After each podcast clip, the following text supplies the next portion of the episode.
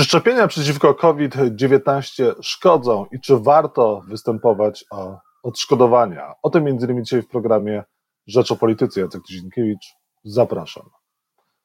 A Państwa i moim gościem jest profesor Krzysztof Pyrć, wirusolog, Małopolskie Centrum Biotechnologii Uniwersytet Jagielloński. Dzień dobry. Dzień dobry. Czy Polacy popełnili błąd szczepiąc się?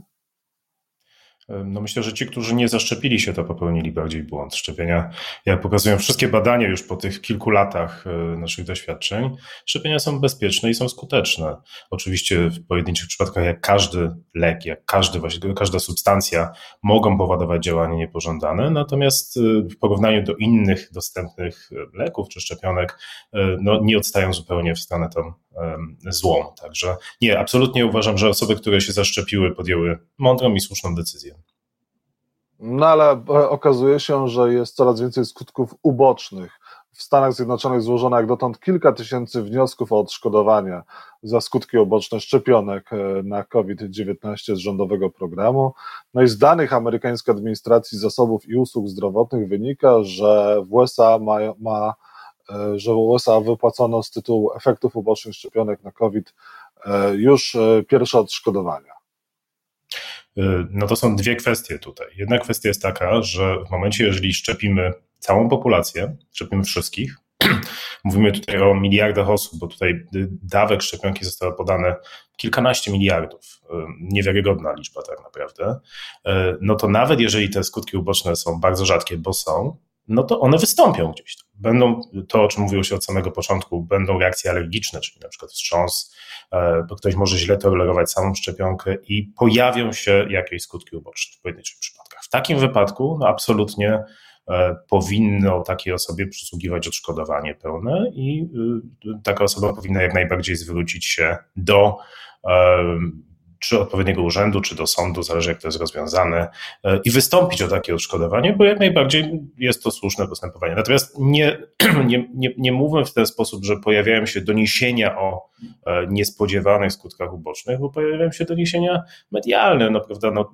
szefowie firm na przykład mówią o tym, że nie mają pojęcia, mówię na przykład, no nie, nie będę mówił o kim mówię, ale e, osób niezwiązanych kompletnie z przemysłem biomedycznym wypowiadają się na temat tego, co oni uważają. No, każdy ma prawo do swojego swojego zdania, ale to nie ma żadnej wagi naukowej. Jeżeli chcemy się dowiedzieć, jakie są skutki uboczne, powinniśmy wejść na stronę Europejskiej Agencji Leków, która właśnie tym się zajmuje, żeby śledzić takie doniesienia i wyłapywać te, które są prawdziwe, a te, które są po prostu kaczką dziennikarską. No może y, te informacje były za słabo komunikowane i podawane y, tym, którzy się szczepili wcześniej.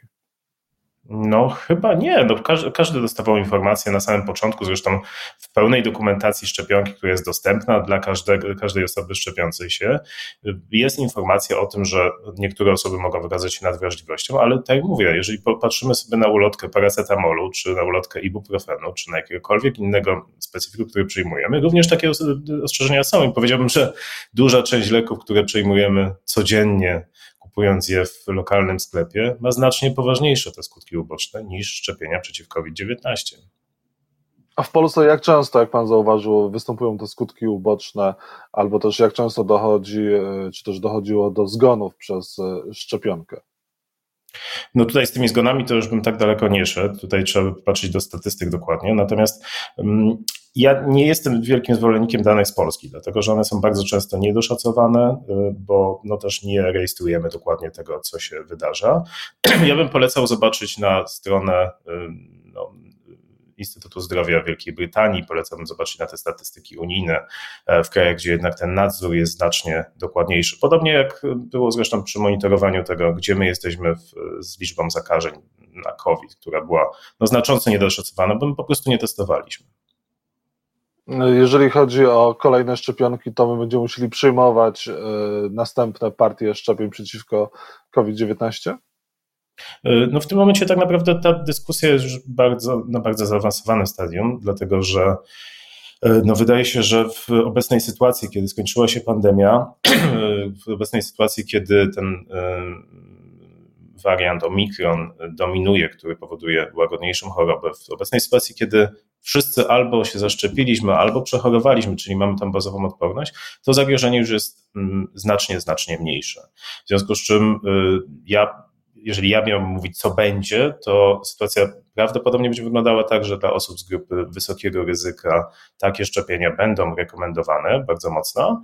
E, natomiast dla osób z grupy niższego ryzyka, czyli młodszych, ta rekomendacja będzie znacznie słabsza. Zresztą w ten sposób to formułuje również e, Światowa Organizacja zdrowia, e, oceniając realnie ryzyko i też e, mówiąc o tym, kto jest kluczowy w tym momencie, kto nie. I sytuacja może się bardzo diametralnie zmienić, jeżeli udałoby się nam kiedyś w przyszłości stworzyć szczepionkę, która będzie w stanie długoterminowo zahamować transmisję wirusa. To samo ma miejsce w przypadku wirusa grypy, dlatego że wtedy możemy wrócić do pomysłu takiego, że te szczepienia mogą być korzystne dla całej społeczności. W tym momencie od pojawienia się wariantu Omikron ten wpływ na transmisję wirusa szczepień jest y, minimalny, żeby nie powiedzieć żaden. A jeżeli chodzi o kolejne zagrożenia, grożą nam inne pandemie? Czego możemy się spodziewać? Y, to jest y, dosyć ciekawa rzecz, że jakby my sobie nie zdajemy sprawy jako mm, niespecjaliści, mówię w tym momencie o całości społeczeństwa, jak często do takich zdarzeń dochodzi. Mniej więcej raz na kilka, dwa, trzy lata coś się pojawia. Coś się pojawia, pojawia się Zika, pojawia się wirus MERS, pojawia się wirus SARS-1, pojawia się wirus SARS-2, pojawiają się nowe e, szczepy grypy. Była grypa H1N1 w 2009 roku, kiedy mieliśmy pandemię. W tym momencie są kolejne rzeczy, które e, prawdopodobnie się pojawią w najbliższym czasie, mm, o tym za chwilę. Natomiast to są zdarzenia bardzo, bardzo częste i po prostu do takiej transmisji odzwierzęcej tych wirusów dochodzi regularnie. E, I tak właściwie nie tyle możemy się spodziewać, co, co to nastąpi. E, pytanie jest tylko, jaki to będzie miało wpływ na nasze życie i czy ta kolejna, kolejna transmisja, kolejne zagrożenie przerodzi się w pandemię, czy też nie. I to zależy bardzo mocno od tego, który wirus nas zaatakuje. E, większość się nie przeradza w nic, po prostu pozostaje jakimś tam e, zagrożeniem, tak jak wirus MERS. Część powoduje faktycznie pandemię, ale stosunkowo łagodnej choroby, czy porównywalnej do, do, do, do, do, do tego, co mamy na co dzień, na przykład gripa H1N1, ta gripa świńska, czyli pandemiczna, a część powoduje bardzo poważne zagrożenia, tylko nie w naszej części świata, tak jak wirus Zika, który na południowej pół w tropikach no, spowodował bardzo duże zagrożenie, szczególnie dla kobiet w ciąży i był gigantycznym problemem przez, przez długi, długi czas.